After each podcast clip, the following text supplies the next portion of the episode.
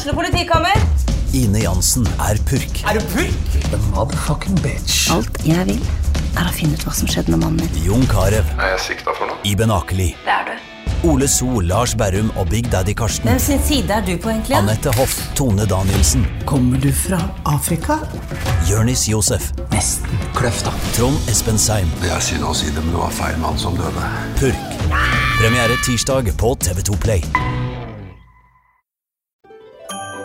Dyrisk desember med podkasten Villmarksliv. Hvorfor sparker elg fotball? Og hvor ligger hoggormen om vinteren? Og hva er grunnen til at bjørnebinna har seg med alle hannbjørnene i området? Svarene på dette og mye mer får du i podkasten Villmarkslivs julekalender Dyrisk desember, der du hører på podkast.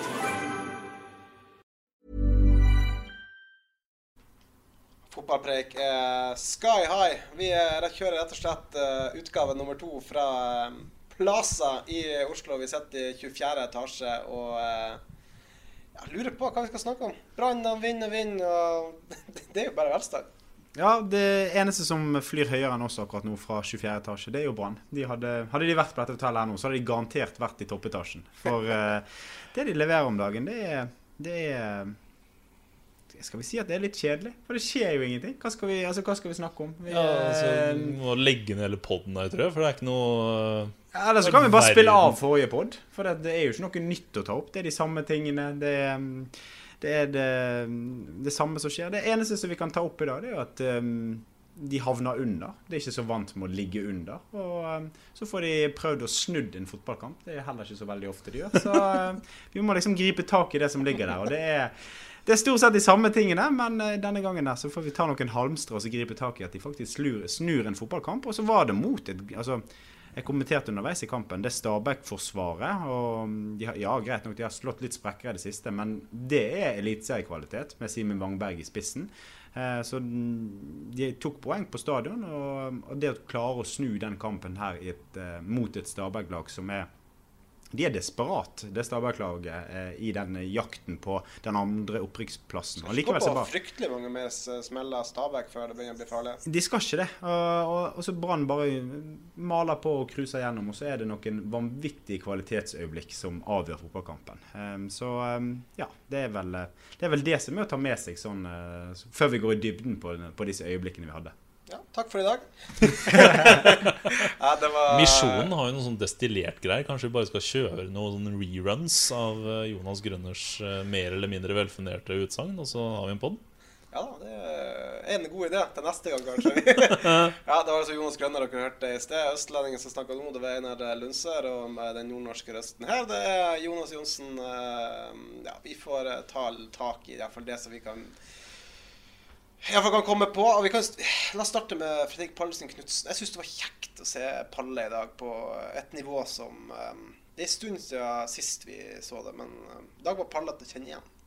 Ja, og det var viktig. Og så hadde jo han friskt i minne. Det var mot Stabæk sist han hadde marerittomgangen sin, når han, når han fikk en omgang og, og endelig fikk sjansen igjen, og så ble han nappet av til pause. Så den, eh, den satt garantert friskt i minne. Og så var det var Gift Orban han skulle møte igjen, som, som skapte så mye trøbbel for han sist. Eh, Og så viste han det at han hadde lært, og han, eh, han var klok, rutinert, og, og var den Pallesen som, som vi vet eh, bor inni han. da. Så det er åpenbart at han har, har manglet kamptrening, og så har han fått litt mer i det siste. Og da er han Han er jo en veldig god fotballspiller. Men jeg har sagt det før, og kan gjerne si det igjen. Han er nok bedre i Eliteserien sånn som Sånn som hans styrker er. Men Jeg eh, skulle akkurat si det. For når, du, når du dro den parallellen med at Stabæk har, egentlig har et eliteserieforsvar så når du, når du skrev, skrev det i studio i dag, eh, så tenkte jeg på akkurat det. Det du har sagt, at Pallesen antagelig er en bedre eliteseriestopper enn en enn i førstedivisjon. Og i dag var han bra. I dag var han bra, og mot kanskje den Nei, det er nok noen Brann-spillere som er enda bedre form enn Gift Orban. Men han har vært en åpenbaring etter han kom inn i sommer i dette Seks kamper på rad med skåring da. Ja, og jeg fulgte den kampen de hadde mot Fredrikstad sist. Nå vet jeg at det sitter er en Fredrikstad, en med Fredrikstad-hjerte her. og eh, Jeg skal ikke rippe for mye opp i det, men han var en eh, Altså, han, var, han terroriserte dette her Fredrikstad-forsvaret sist. Eh, med Mats Nilsen i spissen, som også er en voksen, røslig midtstopper, som egentlig kan sammenlignes på mange måter eh, med Han er ganske lik Palle på mange måter. Ja, han er Som det. type stopper. Ja, men eh, Pallesen han var smartere og har selvfølgelig dyktigere lagkamerater som også veier opp. Men jeg har kjempetroen på Palle, og det er først og fremst i kraft av person, personligheten og hele den, eh, hele den pakken der. Og så er han en, en midtstopper av den gode, gamle sorten. Jeg husker jeg husker en trening i må ha vært 20, vinteren 2015. Det var vel da han begynte å etablere seg med Rikard Norling eh, eh, som trener. Så husker jeg det var en trening han, han blokkerte absolutt alt som kom i hans retning. Han hadde en sånn evne som vi, som vi pekte på tidligere. Da, at han, han hadde en evne til å, til å få en fot og hive seg inn og til å ofre seg. Eh. Og så er det dette med, med timingen i når han går i blokkeringene sine, der han var eh, og har vært veldig, veldig dyktig. og er har sine styrker i den delen av spillet, kombinert med tilstedeværelse i egen boks med fysisk rekkevidde og den type ting, så er jo det en klassemidtstopper, ingen tvil. Og så må han få tid til å, til å, å spille, og så eh, Ja. Det, jeg tror det var veldig godt for han i dag. Ja, så er det sånn at uh, ja, Palla han fikk sjansen under Rikard Norling. Rikard Norling han fikk sparken. Og Brann måtte ta et valg. Skal vi satse på Fredrik Pallasen Knutsen eller Jonas Grønner? Jeg tror ikke det er det de angrer aller mest på, for det var nok eh, litt tidligere. når de måtte velge mellom meg og Jakob Glesnes, og de valgte meg. Jakob Glesnes er nå, eh, han har vært på landslagssamling, han har vært kaptein i Eliteserien. Han er proff i USA. Eh, Jeg sitter her, har lagt opp, så jeg sitter i 24. etasje på Plaza og spiller inn en podkast om Brann.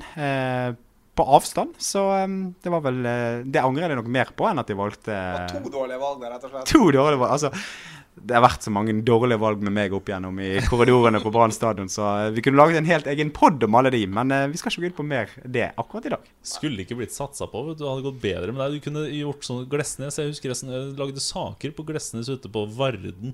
Han spilte for Fyllingsdalen. Altså, han har tatt litt av en reise. Det, det var jo godt for han, da. Det var kanskje like så greit at han ikke ble satsa på i Brann. Ja, altså, vi, vi, jeg har masse mening om det der, så vi kan godt sveipe innom det. Og jeg har eh, litt sånn Det der med å komme til en stor klubb som en unggutt, um, og så blir du nummer 16-17-18 i troppen.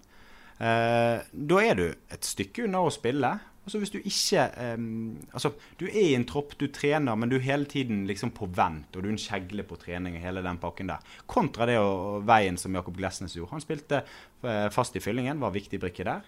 Spilte fast i Åsane, viktig brikke der. Spilte fast i Sarpsborg, viktig der. Godset. Han har knapt nok misset en fotballkamp siden eh, med skade også, så han har jo selvfølgelig vært heldig med det òg, da.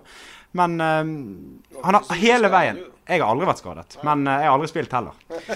Han har spilt hele veien, og eh, han har spilt hele veien og, eh, og hele tiden hatt kontinuitet i kamptilbudet. Tatt sånne gradvise steg. Mens jeg liksom skulle prøve å slå gjennom på et, eh, på et brannlag som, eh, der veien var mye lengre, og jeg spilte aldri fast. Han tok noen omveier, men sørget i hvert fall for å spille fast hele veien. Og, altså Det er jo ikke noe fasit på dette her, men spesielt med, med unge midtstoppere, så um, at de spiller masse fra tidlig alder. For altså Alternativet er at du aldri blir byttet inn. Uh, unge offensive spillere de kan jo byttes inn, men en midtstopper uh, de, eh, de trenger å spille, og de trenger å få erfaring tidlig.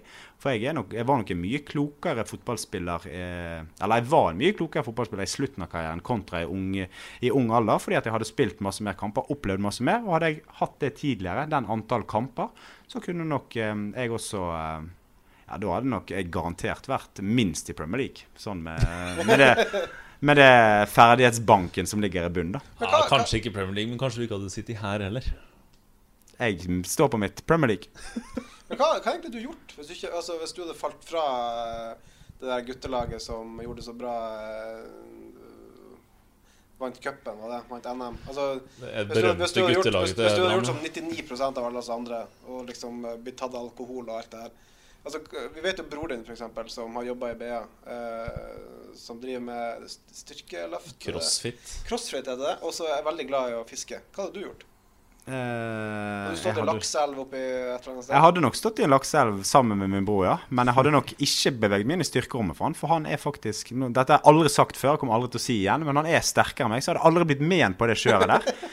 Eh, men hva jeg hadde blitt, det er et veldig godt spørsmål. For meg var det Det var ingen tvil. Jeg skulle bli eh, fotballspiller. Eh, og så skulle jeg ikke sitte her og snakke om podkaster. Og i hvert fall ikke snakke om meg sjøl i en Brad-podkast, for nå må vi videre og tilbake til det som er temaet her. Og det er Brann.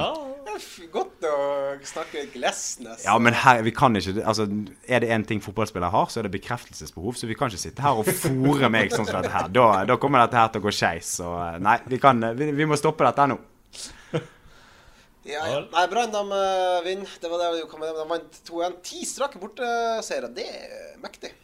Det er mektig. Uh, og um, det tok ikke lang tid før vi skulle begynne å snakke om meg igjen, da. Men i Ålesund i 2019 så vant vi Så vant vi da altså så vant vi da altså 15 av 15 hjemmekamper. Og hvis de står skulle Altså Nå begynner det å nærme seg eh, det å vinne 15 strake bortekamper. Det hadde vært rått. Så de, det, altså vi har snakket om det. De må sette seg sånne delmål nå på, på veien. For eh, Rasmussen er jo ute i dag og sier ja, det er klart at vi rykker opp. Det, det er første gang vi har en, en Brann-spiller som sier det. er Ingen andre som ville si det. At han er ute og melder det i dag, fantastisk. Ja, du syns det? jeg syns det er helt fantastisk at han er ute og sier det. Og så at han er ute og sier det etter den kampen han leverer også. For hvem er det som er helt sentral i de to brannskåringene? Det er Mathias Rasmussen. Den første har han hockeyassist på, den andre har han assist på. Og blir eh, ja, igjen helt avgjørende. Og da å gå ut og melde litt sånn at ja, det er klart, altså, de, Hva er det 17 poeng de har til tredjeplassen nå? Ja, Det er jo, altså, det, det er jo ingen Potensielt tvil. ned på 14, men det er jo, det er jo detaljer. Det Ja. er jo De rykker opp, det er ingen tvil om at de konstaterer det. Men altså, han sier ja, vi rykker opp, men vi har fokus på å bli bedre. For altså, Du kan jo ikke bare ta ferie. Hva, hvor langt er vi kommet? Vi kommet til eh, 6. august. Du kan jo ikke ta ferie nå frem til uh, april neste år når Eliteserien starter. De må, jo, de må jo ta steg. De må jo bygge. Og um, da må man sette seg sånne delmål underveis, da, som f.eks. vinne alle bortekamper kan være. Uh, ta poengrekord. Det håper jeg ikke de setter seg som mål, men uh, det er Det sånne gjør det gjør de nok. Det, og det tror jeg de snakker om også etter hvert. For det er Ja. nå, nå, altså, når Asmussen sier til, til Bergensavisen at, at nå har de rykket opp, så kan du bare tenke deg om hva de snakker om i garderoben. For eh, de har nok allerede snakket om det en stund. Du har jo Castro i Brannlaget nå, som var med på Ålesund-laget ditt i 2019 òg. Han, han, vet jo, han vet jo hvordan det kan gjøres. Ja, og så er det én ting altså Når jobben faktisk er gjort altså nå, De er fremdeles De, de har ikke rykket opp. Eh, og så den dagen det er ingen tvil lenger, de har rykket opp, og alt er spikret, det er da den virkelig sånn mentale utfordringen da ut, utladninga kommer. Altså, vi klarte det. Altså nå Da er det Altså, da har du en kjempe sånn mental utladning, rett og slett. Dere Eh, 2015. Ja, men da var det Tapte litt på Ågotnes og sånn. Vi tapte i to siste Altså, da rykket vi opp på 53 poeng. Hødd. Og, Hødd Nest. ja, Hødd og Nest. Og da rykket vi altså opp på 53 poeng. Eh, to runder før slutt. Og nå har Brann eh, 49, er det de har? Ja. 49 poeng, så de er, de er veldig nære å kopiere poeng, poengskåren vi hadde i 2015. Men i 2015 var dere griseheldige med at eh, toppen i Obos var så dårlig. Uten tvil. Eh, og så eh, er det jo dette her med at eh, da kollapset vi fordi at da hadde vi hatt en sånn Da hadde det vært et race hele tiden. Da hadde det vært en sånn der, eh, et sånt battle som disse her har bak Brann nå. da. Mens Brann de er ikke i et race nå. De har rykket opp, så de kan liksom bare fokusere på seg sjøl. Og det tror jeg ja, altså I 2015 så ble, da, da skrur du på en måte av når du har rykket opp, og så taper du de to siste kampene, og så tar du egentlig en litt tidlig ferie. Um, kanskje vi hadde godt av det. Vi var mentalt utladet. Det hadde vært veldig mye som hadde skjedd i Brann over, over lang tid der. Og så kommer vi selvfølgelig veldig sterkt tilbake i 2016 og tar sølv. Um, men, mens nå kan Brann bare, de kan bare ha fred og ro og fokusere på å bli bedre. Steg for steg. Og så har jeg sagt også at jeg håper at de krydrer det med et eller annet innad i spillertroppen også, selv om de, de nekter for at de ønsker noen utskiftninger. Så håper jeg at det, at det skjer et eller annet der. For det, nå har de momentum, og det er mange spillere som, som kunne tenkt seg å spille for Brann. Og, og de kan spille inn eh, vikt, potensielt viktige brikker for neste år. Så eh, jeg håper de gjør noe, men eh, det blir spennende å se. Altså, apropos Hødd, bare sånn litt sånn sidespor når vi tenkte på det. Jeg var på branntrening nå i Det blir jo lørdag, altså dagen før eh, Stabekampen. uh, Treningen var ferdig. Plutselig kommer Sivert Helten Nilsen løpende. Jeg har aldri sett ham løpe så fort noen gang. Så jeg tenkte, hva er dette for noe? Og Hødd som skulle spille. Han skulle, han skulle rekke kampen til broren. Han skulle hjem og se, se lillebroren eh, som da spiller for Hødd i, i andre divisjon. Så eh, det er sånn kjekk greie. Hødd betyr mye for Sivert. Det betyr mye for Sivert. Og så er de, de er sammensveiset, den gjengen der. Og han, eh, han eh, har tatt steg, eh, lillebroren også. Ola Heltene Nilsen. Og er blitt en, en røslig midtstopper og bra, bra størrelse. Så En spiller etter to spillere etter farens hjerte, de det greiene der. Det med Sivert og Ola. Det, Ja, det er sånn, ikke tilfeldig at de to er de de er. Nei, også og så er han litt det automatikk at han går til Ålesund hvis han blir god nok? Nei, jeg, jeg, altså, jeg tror Lars Arne den gangen han sa at han ønsket egentlig ikke å helte Sivert pga. sånn far-sønn-forhold, og han har vært gjennom hele denne, hele denne greien der eh, før. Men så var Sivert helt perfekt, og han var, han var liksom peilet inn lenge før egentlig Lars Arne kom, eh, sånn som jeg eh, har forstått i ettertid. Så jeg tror ikke Lars Arne ønsker å hente sønnen sin, men eh, altså Ola han, han er blitt en målfarlig midtstopper i andredivisjon. Andre divisjon, og Kanskje ikke han er akkurat det som Brann trenger per eh, dags dato, for at han, han besitter mange av de ferdighetene f.eks. Pallesen Knutsen har. Eh, bare at eh, ja, ok, det, Nå må jeg bare stoppe opp litt her og ta Pallesen Knutsen. For å ha den størrelsen og den hodestyrken, og så samtidig være, klare å være så vanvittig ufarlig på offensiv dødball, det må vi snakke om.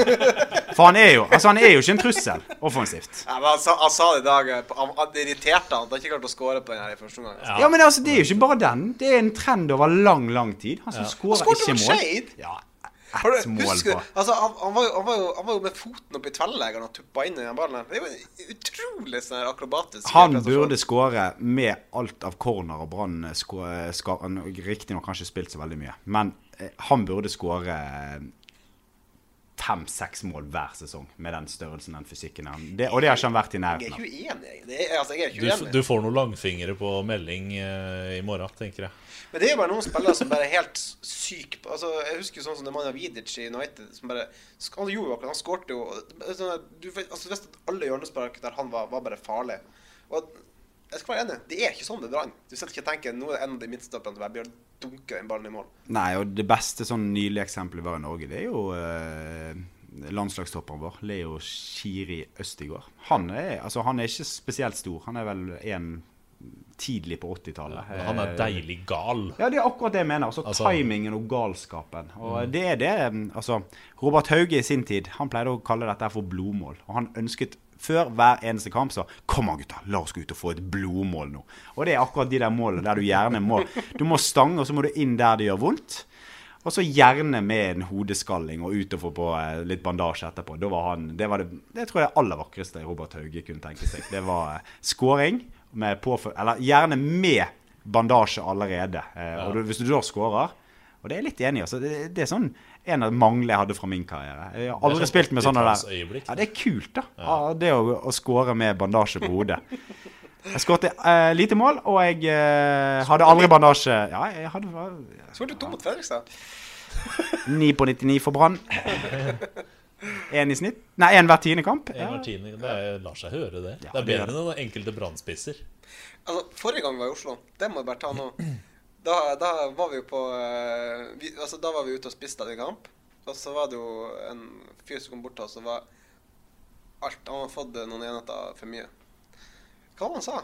Han var tidligere altså, Han kom bort og Vet dere hvem jeg er? Husker du det? Jeg husker det. Ja.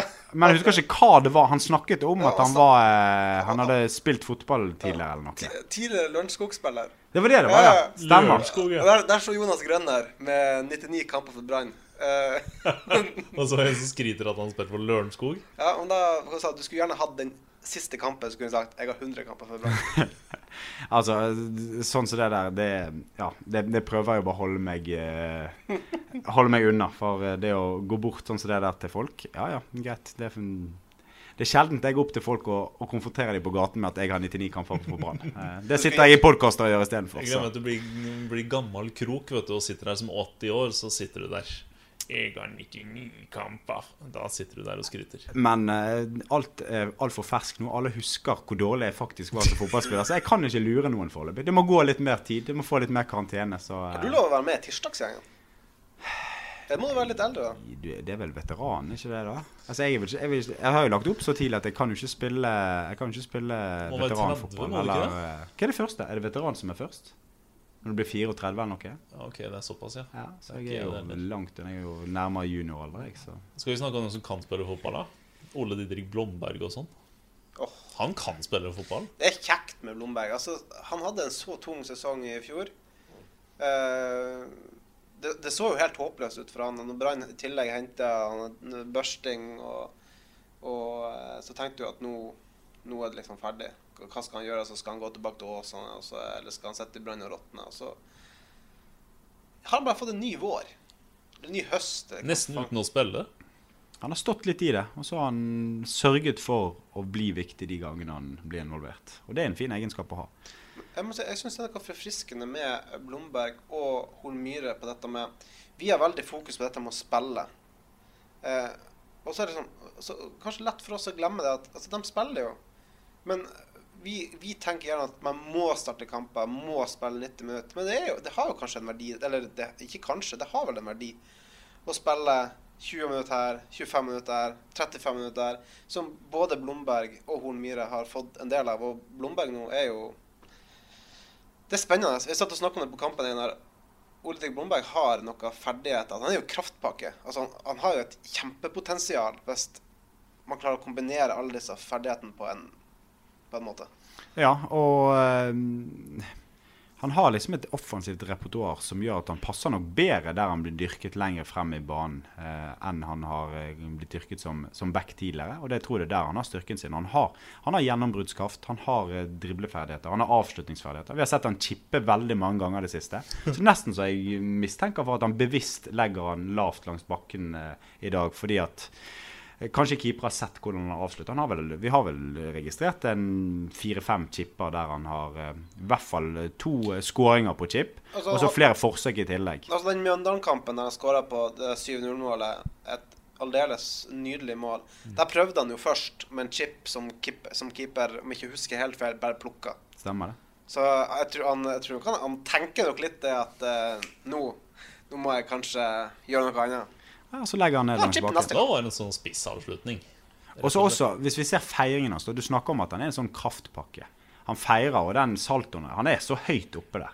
Det er, altså, det er et akrobatisk eh, C-moment. Han er en atlet. Det, altså, det, det, altså, han, han, er jo en gjennomtrent god kropp som eh, altså, Han er en sånn typisk spiller som kan holde det gående veldig lenge fordi han er veldig opptatt av sånne ting, og han er atletisk til beinet. Ja, han er smidig, han er atletisk, og det er veldig mange sånne egenskaper som blir viktigere og viktigere i, i moderne fotball. Og um, det gjør at han er, han er, veldig, veldig spennende. Og så er han ung. Ja, han burde sikkert spilt litt mer, men han er en viktig del. Og så sørger han for å bli aktuell hver gang han, han er inne og spiller. Og så er han bare en skade unna førsteelveren nå. Han kommer nok eh, kanskje til å spille mer fremover, men eh, altså Børsting får seg et eller annet, eller Det er ikke på tide å gi Børsting en liten hvil, da? Yeah. Jo, men altså det, Nå sitter vi liksom og, og, prøver å diskutere laguttak for et lag som har vunnet absolutt alt som er å vinne. Altså, de er i ferd med å slå alle rekorder. De er, de er så bunnsolide. Og det er liksom summen av elleve mann.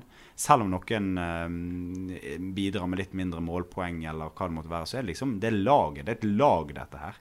Det er ingen på dette laget som har skåret mer enn ti mål på et lag som har skåret 50. Normalt mm. sett i Obos-ligaen så har du, har én spiss som skårer gjerne i, i, hvert fall opp mot 20-30 mål i en så dominant sesong som Brann har. Men her får de mål fra absolutt alle kanter. Og det er en av styrkene til Brann, tenker jeg. at eh, altså, Bodø-Glimt f.eks. De hadde Fardal oppsett på 28 skåringer når de rykket opp. Eh, og så har vel eh, Ruud Tvete har vel skåret jevnt og trutt sånn godt over 20 på disse her eh, gode lag. Pontus Engblom i, i, Sandefjord var også alltid over 20 når de rykket opp. Vi hadde Holmbert Fridjonsson, vi hadde Niklas Castro på 17. Liksom vi, vi hadde disse poengspillerne som sørget for å avgjøre kamper. Brann kan avgjøre kamper fra absolutt alle posisjoner, og det er veldig imponerende. Men er det ikke Altså Nå har Blomberg et målpoeng i snitt hver eneste time han spiller. Uh, spilt 350 minutter eller noe sånt nå. Seks målpoeng. Um, hvis du skulle tatt ut laget i morgen, hadde du tatt ut Blomberg på høyrekanten eller hadde du tatt ut Børsting? Nei, det er som jeg sier jeg, jeg, Og du er... får litt kjeft av meg Jonas, tror jeg, hvis du velger børsting. Ja, men jeg velger børsting på akkurat samme grunnlag som jeg, har, som jeg fortsatt å velge Heggebø gang på gang på gang. Og så kan du helt sikkert Du kunne helt sikkert Altså, Bård han kom inn og begynte å skåre. Da, da kan ikke du kritiseres for det. Men altså, jeg skjønte hvorfor Heggebø spilte. Jeg skjønner hvorfor Bård kom inn. Jeg skjønner hvorfor Børsting spiller. Og jeg skjønner også hvorfor Blomberg burde spille mer enn det han gjør. Så det, altså, det er liksom det er ikke lette vurderinger, dette her. Og så hadde jeg trodd, jeg sa før kampen jeg trodde at eh, vi skulle f.eks. se Blomberg eller Heggebø spille, eller i hvert fall starte en av disse tre kampene jeg har hatt denne uken. her. Så det var litt overraskende, faktisk, fra Horneland, som, som, brukte tidligere i sommer eh, sjansen mer på å rullere og sørge for å gi, gi mulighet til å holde troppen mer i gang med, med disse toppkampene. For det, som jeg har sagt før, det er mer, sånn, det er mer kraftig å gi sjansen i en toppkamp. Men um, han benyttet ikke seg av den muligheten. Så fikk han det litt gratis med at Skovgård og um, uh, Hjelp meg. Hvem er den andre som har blitt skadet? Som har blitt Vassberg? Vassberg, selvfølgelig. Nei, Skånes. Skånes, Skånes. Min gode venn Skånes, selvfølgelig, som måtte ut. Og da kommer Holm Myhre inn i, i, den rollen. Så det er jo eh, han, fikk litt, han, altså han fikk de to endringene, og jeg tror det var også med på å ja, kalle det ødelegge sjansene for disse her som også skulle starte, spesielt Heggebø og Blomberg. da. Jeg syns det er um, spesielt med denne forvandlinga til eh, Horneland. da. Sånn som i fjor høst, da han bare fikk kritikk for at han aldri har bytta. Selv når Brann ikke klarte å vinne eller noe som helst. I år så er han nådeløs. Altså, Brann dårlig i første omgang, selv om står 0-0, så er jo altså, har han lugget av to mann til pause han uten å nå er det jo helt annerledes, fordi I fjor så ville han jo skape kontinuitet for alt det var verdt. For han tenkte at det var eneste løsninga. Nå har han jo allerede fått kontinuitet lenge på treningene og gjennom kampen gjennom vårsesongen. Nå, nå, funker jo laget uansett hvem man døtter inn på. I fjor, nå kan jo døtte inn på hvem som helst. I fjor sto han med elleve mann i 80 minutter uten at det funka i det hele tatt. I år så Ja, men det var jo Det funka ikke i det hele tatt fordi de kjente hverandre ikke. Det var teorien hans, i hvert fall. Og den kjøper jeg litt òg, for det var jo et brannlag totalt blotta for gode relasjoner. Ja, men han sto jo egentlig altså nå I vårsesongen så sto han med de stort sett i samme elleve eh, veldig, veldig lenge. Og det var, for, Kanskje det var et lite sånn eh, en, altså, eh, Mjøndalen-kampen, vi vinner 7-0 der. Så begynner de å få litt luke. De hadde en ferie der. Og så eh, Etter det har han begynt å endre mer på laget og tatt byttene før. Eh, og det tror jeg både fordi at laget fungerer så godt at at han kan bytte. Eh, og eh, uten å, altså Vel vitende om at det er ikke noe problem. Og også det å holde spillere i gang og, og sørge for harmoni i troppen. Så jeg, eh, jeg, tror det der er litt todelt. altså Det der med kontinuitet det kommer uansett til å være superviktig for Horneland. Men han, altså, poengsnittet og dominansen og hele den pakken gjør at, at han gjør litt andre vurderinger for å ha en bedre harmonisk spillertropp. Og det tror jeg er det som ligger til grunn for, for valgene han gjør på akkurat det der. da. Vi har toucha litt innom det de siste poddene, men uh, Einar, du hadde et lite ønske uh, før vi starta om å kanskje diskutere hva Brann eventuelt Nå er vi jo ja, hva er vi?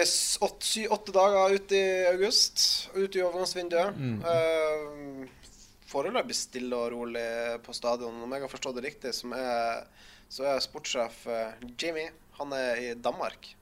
Kommer han rekende hjem med den danske tellekofferten, eller?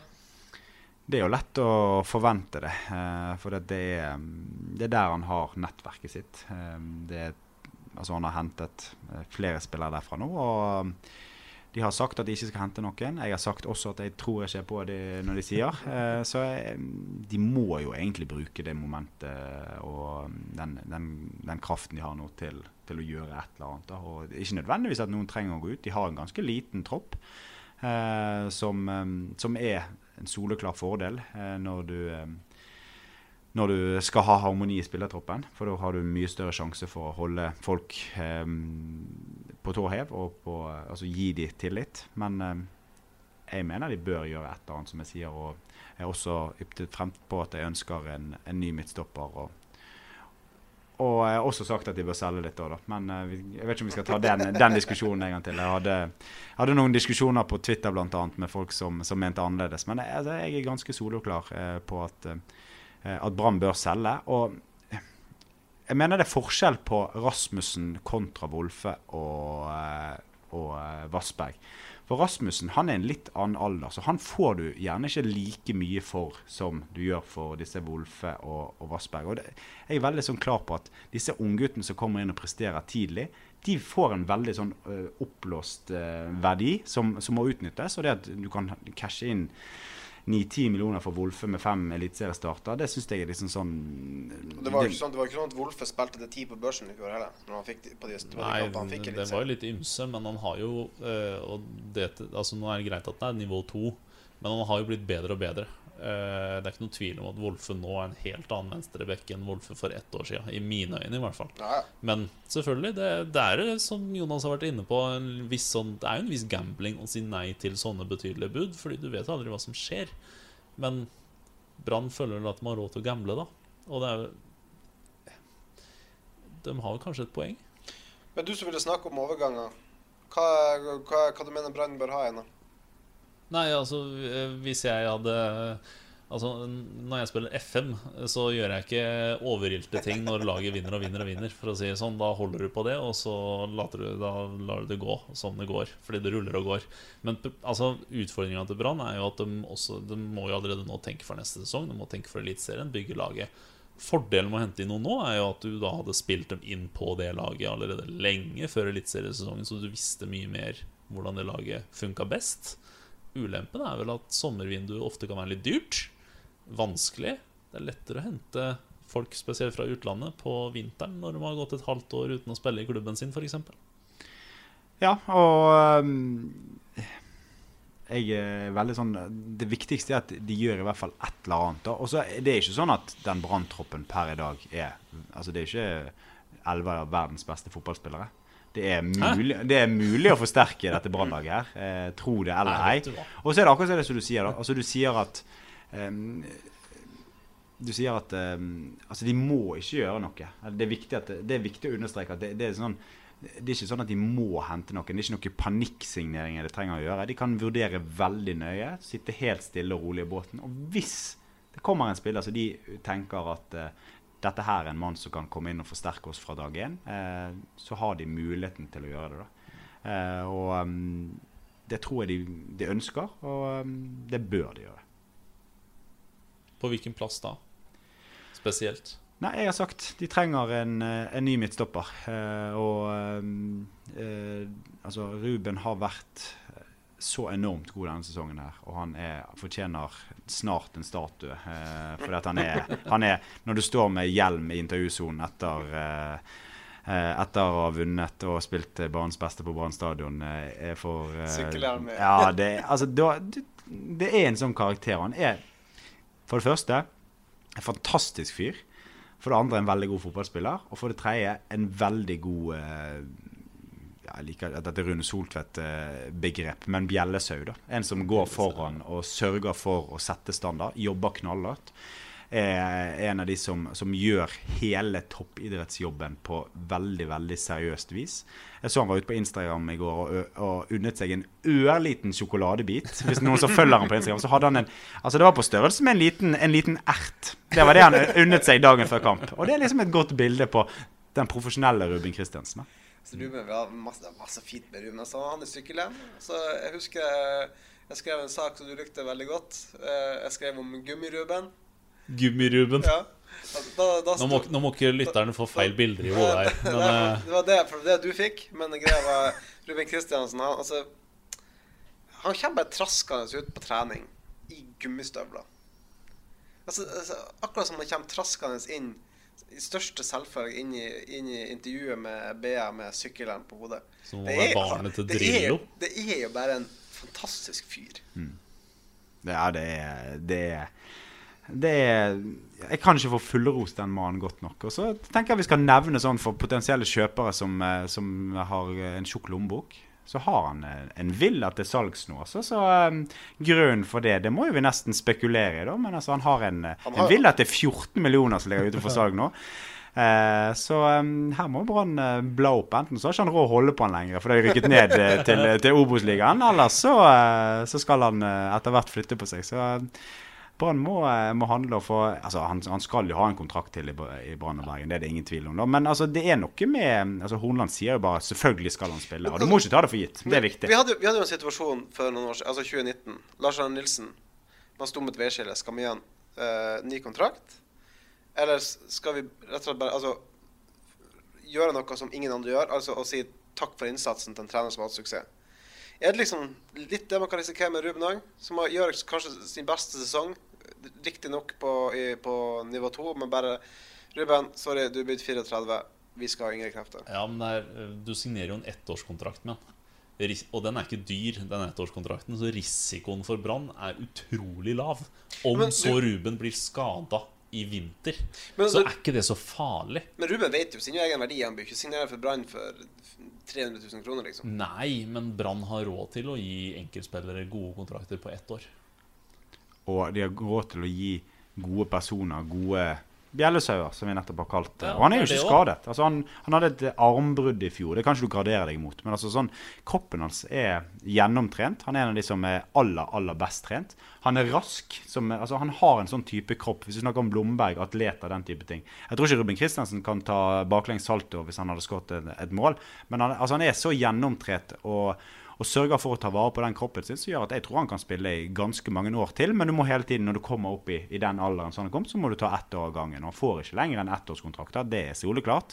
Men eh, eh, jeg tror han kan skrive både for neste år og tror vi kommer til å sitte og diskutere dette her eh, et par år frem i tid. For at eh, han, eh, han er en stayer. Han kommer ikke til å har gi seg. diskutert i fire år allerede. Han har jo bare signert og signert og signert. Han har blitt takket av, har ikke han det? da? Han Ja, fikk han ikke han har blomster. han har To ganger har han blitt takka, så det er ikke verst. En gang på stadion og en gang i pressen. Så, men det har snudd begge gangene. Vi må jo bare takke av en gang i året. Holde, holde den tradisjonen ved like. han, får den her, han får den her drakten med hvor mange år han har vært der, hvor mange kamper han har spilt, og så blir det jo bare ett år ekstra for hver gang han, han er der. Nei da, Ruben har hatt en kjempesesong, og um, som Jonas var inne på, og som jeg også mm, sier, Ruben er en fin fyr, og det er kjekt å ha han i Bergen. Og vi håper han skal få en kontrakt. Jeg eh, har ikke så veldig mye mer jeg tenker vi bør snakke om. Vi har holdt på ganske lenge nå, så eh, det er jo bare om vi skal runde av. Skal vi ha avstemning? Avstemning på Plazaen. Ja, altså, jeg eh, har fått inn det, jeg, det viktigste. Jeg fikk snakket om meg sjøl i dag, så for min del så er jeg fornøyd og kan gå og legge meg nå. Så eh, ja. Takk så mye. for Jeg ble bare, bare. Takk så mye for at dere hørte på.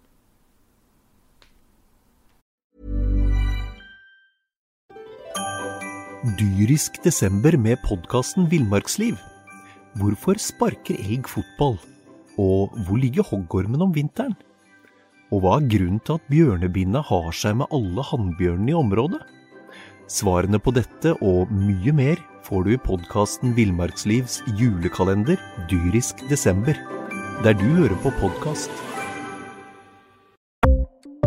Ukens annonsør er HelloFresh. HelloFresh er verdens ledende matkasseleverandør og kan være redningen i en travel hverdag. Mange av oss har nok vandret i butikken både sultne og uten en plan for middagen, som ender med at vi går for de samme kjedelige rettene gang på gang.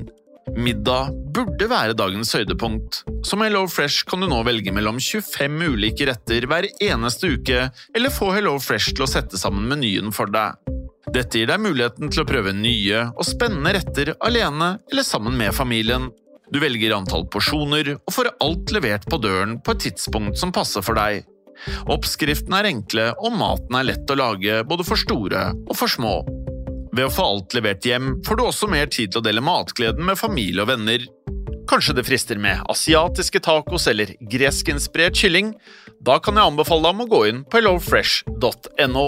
Her kan du bruke koden FOTBALL og få opptil 1779 kroner i rabatt på de første fem matkastene hvis du ikke har prøvd HelloFresh tidligere.